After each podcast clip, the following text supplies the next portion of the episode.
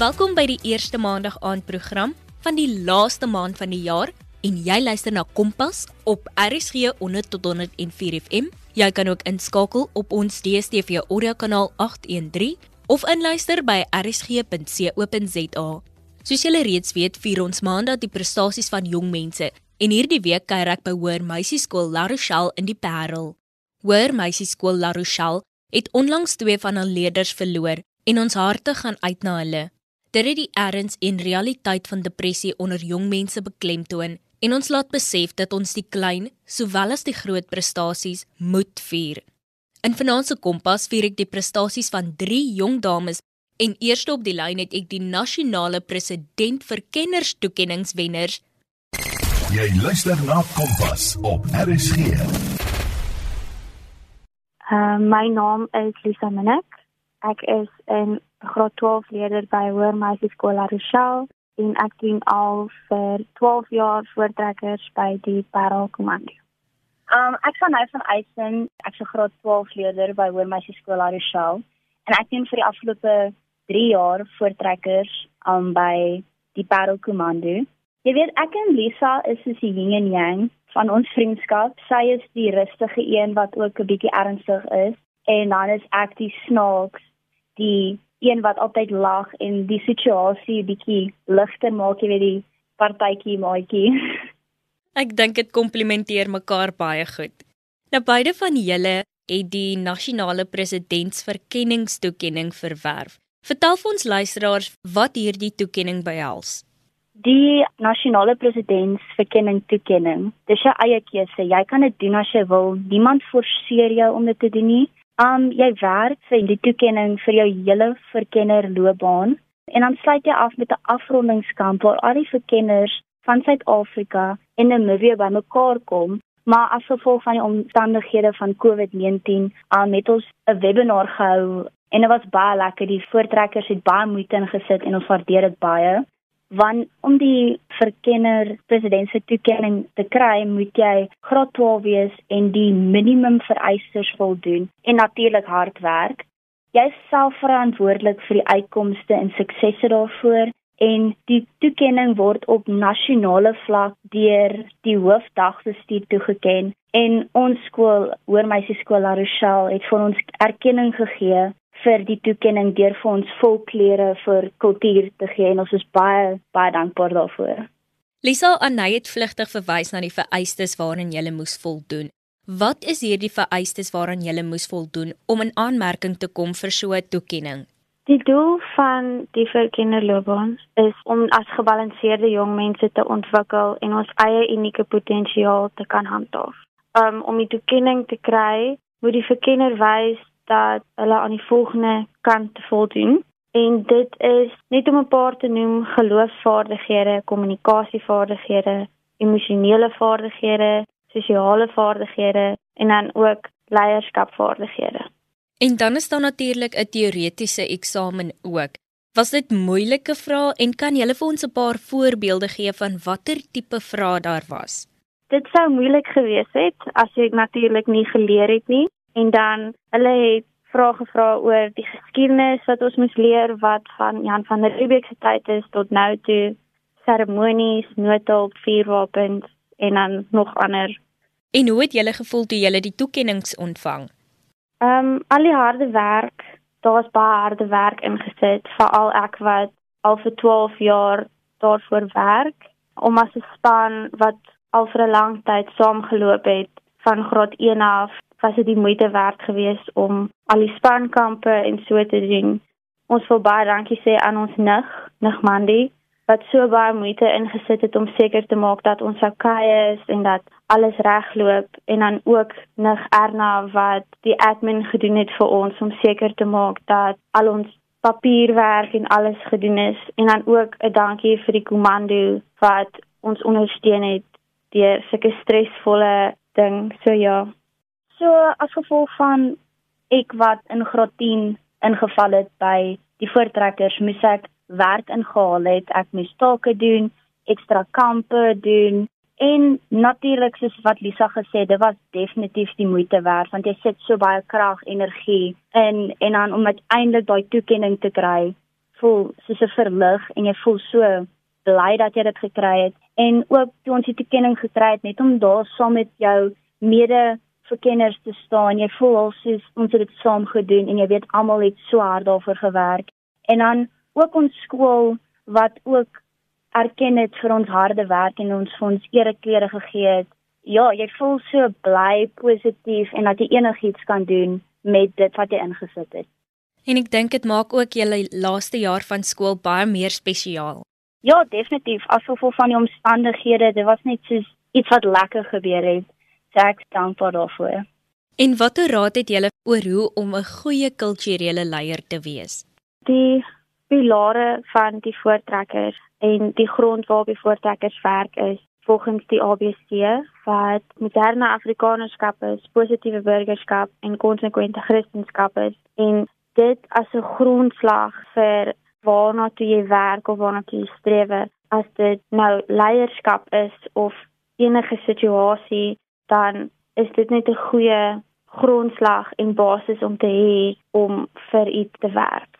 Soos wat Lisa gesê het van die ABC van die voortrekkers, het ons skool ook aan waardes en dit is liefde, aanvaarding en respek en dit is ook 'n goeie grondslag en basis as 'n leier om te hê want jy moet liefde hê vir jou medemense, aanvaarding en respek en dis 'n goeie basis om te hê vir om enigiets te doen in die lewe, 'n goeie leier te wees wanneer jy in sekere omstandighede is by die werk, in die huis as jy eendag 'n uh, huishouding het.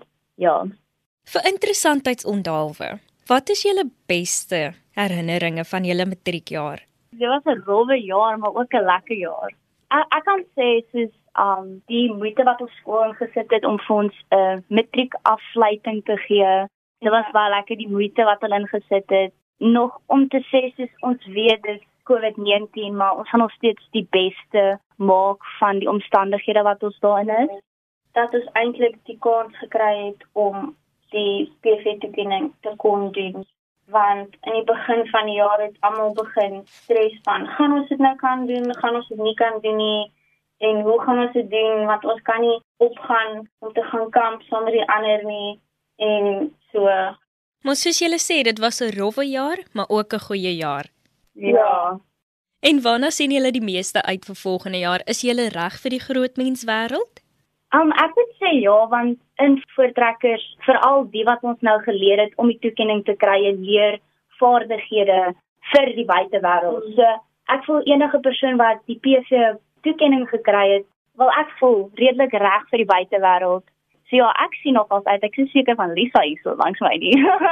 Dit is 'n bietjie stresvol want jy by die skool het jy 'n veilige plekie om te wees en jy het 'n rotine en jy werk nog altyd op daai spesifieke rotine al jou hele skoolloopbaan. So nou dat daar is dan daar's nie meer 'n veilige plekie om na toe te gaan en daar te gaan wegkruip of daar te bly of so nie. So ja, alhoewel ek dink Lisa jy sal dit doen. Ek is hier langs jy, jy weet. en jy sal altyd langs aan haar wees. Ja, definitief. Sy hou vir jou daar met al die ernstige sake en jy sorg vir al die lag. Ja. ja. Dankie Lisa en Anay dat julle saam gekuier het. Ons kuier by La Rochelle is nog nie verby nie. Om 'n nasionale president vir kennerstoekenning te verwerf, vat baie breinkrag en om die teoretiese eksamen te skryf is ook nie maklik nie. 'n Ander tipe breinkrag en kenniswetren is natuurlik redenaars en Mila Botha is 'n krangige redenaar wie vanjaar 'n plek op die podiumpretboom verwerf het. Jy luister na Kompas op RSG. My naam is Mila Botha en ek is 17 jaar oud. Ek is in La Rochelle Hoër Meisieskool in die Parel en gedurende die week is ek 'n koshuiskind. Naweke is ek 'n plaaskind wat buite Greyton woon en my gunsteling aktiwiteit as ek Vrydag by die huis kom is om saam met my boeties op ons kanoe op die dam te roei. Ek is 'n Christen wat verskriklik lief is vir mense. Om te luister en te gesels is altyd vir my interessant en lekker en dit maak my gees ryker as ek deel in ander mense se stories. Ek dink my gunsteling vakke is verseker Afrikaans en geskiedenis en dan is my stokperdjies natuurlik redenaars en debat. Ek hou baie daarvan om deel te neem aan nuwe dinge En my ma grap altyd as sy sê die enigste ding waarvoor ek bang is, is om uit te mis. Ek steek byvoorbeeld my hand op vir enige gebeurtenis by die skool. En ek dink oor die afgelope 4 jaar is ek baie trots om te sê dat La Rochelle my huis weg van die huis geword het. Toe jy nou luister praat en Afrikaans noem, het ek sommer dadelik geweet dis hoekom jy redenaars gekies het. Verseker. Waar het hierdie liefde vir redenaars begin? Ek was in Laerskool Noordeind en dis daar waar ek die eerste keer deelgeneem het aan redenaars sommer net by die skool. Ek het dadelik besef dat dit uitdagend is om met woorde te werk en ek dink dis definitief waar my liefde vir dit begin het. Dit is so lekker om kreatief te wees met die onderwerp wat jy kry en ek hou daarvan dat 'n redenaarstoespraak 'n vaste struktuur het want dit help my om vinnig my gedagtes en feite te orden. In die begin dink ek was dit nogal moeilik om my eie toespraak te skryf, maar soos wat ek selfvertroue gekry het deur die jare, het dit al makliker geword.